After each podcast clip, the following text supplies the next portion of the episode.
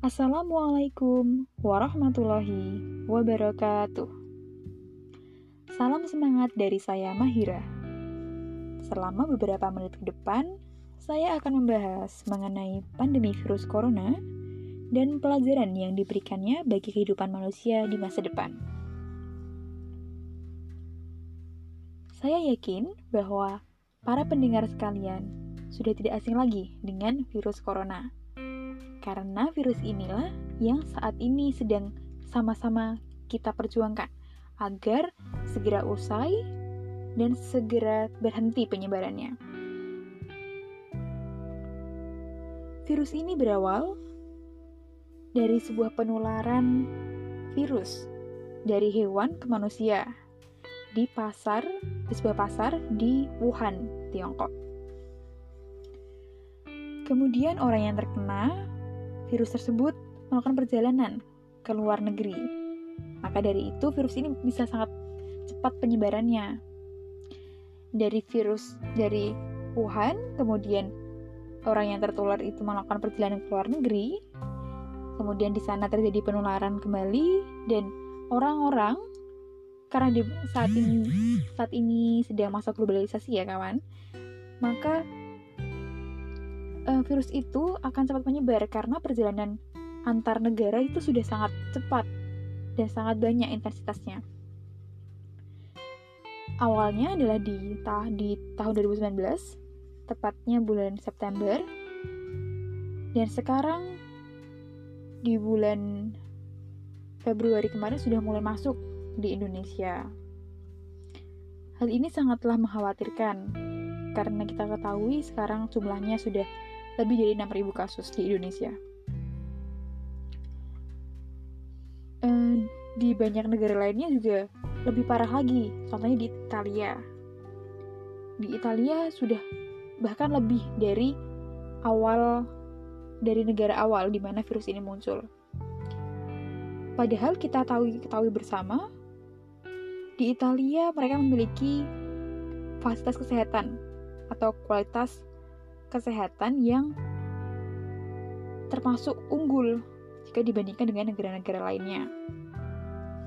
Namun tetap saja mereka kewalahan untuk mengatasi virus corona ini. Karena sebetulnya saat ini bukan permasalahan seberapa baik kualitas kesehatan, tapi seberapa bisa masyarakat di suatu negara itu menghambat penularan dengan cara menghindari kerumunan, melakukan etika batuk, bekerja di rumah, belajar di rumah, dan menjaga kesehatan. Baiklah, saya kira itu cukup untuk menjadi pengantar di pembahasan inti saya pada podcast kali ini, yaitu pelajaran yang diberikan oleh virus corona untuk manusia di masa depan. Baiklah, yang pertama adalah pelajaran tentang kebersihan dan kesehatan. Sebetulnya, telah banyak wabah yang manusia alami, seperti wabah cacar, kemudian ada wabah flu burung uh, dan lainnya. Namun sampai dengan saat ini, sampai dengan virus sebelum virus corona ini, banyak manusia, banyak masyarakat yang acuh atau abai dengan kebersihan. Walaupun sesederhana mencuci tangan dengan sabun. Dan sekarang, karena salah satu senjata pamungkas untuk menghilangkan virus atau mematikan virus corona ini adalah dengan mencuci tangan dengan sabun, maka sekarang masyarakat lebih aware, lebih peduli lagi untuk cuci tangan dengan sabun dan menjaga kesehatannya. Misalnya tidak memakan makanan yang kurang sehat agar badannya atau daya tahan tubuhnya lebih kuat sehingga bisa menangkal segala virus, termasuk virus corona. Kemudian yang kedua, apa pelajaran yang diberikan oleh corona ini? Yaitu pelajaran tentang kepekaan sosial. Seperti halnya di Jakarta, karena di sana penyebarannya sudah sangat masif, maka pemerintah memutuskan untuk melakukan kebijakan PSBB atau pembatasan sosial berskala besar. Hal itu menyebabkan banyak kantor-kantor yang tutup atau memperkerjakan karyawannya di rumah. Bahkan ada juga yang mem-PHK atau memberhenti, memberhentikan secara mendadak. Ada juga ojol atau ojek online yang sehari-hari mereka yang mendapat orderan karena karyawan itu bepergian atau menuju kantor. Namun karena adanya PSBB ini, mereka jadi kekurangan penghasilan karena tidak ada lagi pelanggan atau kurang pelanggan. Mereka banyak yang mengatakan, saya sebetulnya mau tinggal di rumah, tapi saya jadi tidak, tidak bisa makan, keluarga saya tidak bisa makan daripada saya mati kelaparan, mending saya mati karena berjuang. Yaitu sebuah um, apa ya hal yang menjadi masalah ya karena mas, um, dari pemerintah pun um, sudah sudah ada. Saat ini alhamdulillah sudah ada banyak bantuan sosial, ada kartu prakerja. Tapi itu lagi-lagi yang harus kita sama-sama kawal agar uh, kartu prakerja atau bantuan bantuan sosial itu jatuh ke tangan yang tepat kepada mereka yang membutuhkan, bukan kepada mereka yang seolah-olah membutuhkan, padahal sebetulnya mereka bahkan mampu untuk membantu yang lebih membutuhkan seperti itu. Dan uh, saya melihat ada sebuah gerakan masif, sebuah gerakan yang inisiasinya uh, oleh masyarakat itu sendiri. Banyak influencer, bahkan masyarakat biasa yang menyumbangkan atau melakukan galang dana untuk keperluan membeli APD, kemudian membagi-bagikan sembako. Dan kemarin ada juga berita di mana ada seorang anak kecil yang menabung. Dia ini adalah anak dari uh, orang tua yang sederhana, yang penghasilannya mungkin tidak seberapa hanya hanya cukup untuk makan hari di hari itu saja. Tapi anak ini dia memiliki tabungan, yang tabungannya itu uh, 100 seratusan perak. Jadi dia memang uh, menabungnya sedikit demi sedikit. Mungkin dari dia menyisihkan uang jajannya atau penghasilan yang dia hasil dia membantu orang tua. Sampai akhirnya terkumpul sekitar 400 ribu. Dan dia min, e, bertanya kepada ibunya bu saya mau mm, membantu untuk penanggulangan virus corona ini. Mungkin seperti itu ya. Tapi mungkin lebih sederhana lagi dalam pengucapannya terus ibunya ya ya kita sekarang ke pak polisi saja gitu untuk memberikan dana tersebut pasti mereka tahu di mana atau kepada siapa bantuan itu diberikan. Akhirnya mereka pergi ke kantor polisi dan menyerahkannya. Jelas polisi-polisi di sana bahkan itu uh, viral di Indonesia beberapa hari yang lalu. Ya itu ya, itu menjadi suatu inspirasi bagi kita semua untuk membantu itu tidak tidak harus menunggu kita mempunyai banyak uang. Ketika kita sudah tergerak hatinya buru-buru aja kita memberikan bantuan itu sepunya kita pastilah itu akan sangat membantu. Jika banyak orang yang berpikiran seperti itu walaupun itu jumlahnya sedikit tapi jika itu dikumpulkan masya Allah pasti itu bakal banyak banget pelajaran ketiga yaitu pelajaran tentang kepatuhan terhadap aturan untuk kepentingan bersama. Ya, ini yang masih menjadi kekhawatiran ya untuk para tenaga medis dan masyarakat itu sendiri karena banyak banyak loh yang masih ngeyel kemarin saya hmm, tidak uh, kebetulan ada acara di kantor dan di sana saya pulang saya pulang dengan ayah saya pukul 12 malam. Dan di alun-alun ada saja beberapa gerombolan anak muda yang berkumpul entah entah mereka melakukan apa ya mungkin ya berkumpul-kumpul saja seperti itu. Tapi seharusnya di masa seperti ini mereka tidak boleh berkumpul seperti itu. Karena kita kan tidak tahu ya apakah orang itu terkena atau tidak dan apakah tubuh kita cukup kuat untuk uh, untuk tidak ter, terpapar tidak terkena virus itu. Kita pun juga tidak tahu apakah kita ini pembawa virus atau carrier virus atau tidak jadi di sinilah uh, kita harus patuh terhadap aturan pemerintah supaya uh, kita bisa menanggulangi ini dan segera segera membuat virus ini usai pergi dari Indonesia dan membuat Indonesia kita semua itu menjadi bisa melakukan kegiatan seperti sedia kala. Apalagi ini mau Ramadan ya. Sedih juga sih sebenarnya mengingat besok mungkin kita akan merindukan tarawih bersama di masjid, buka bersama dengan anak-anak TPA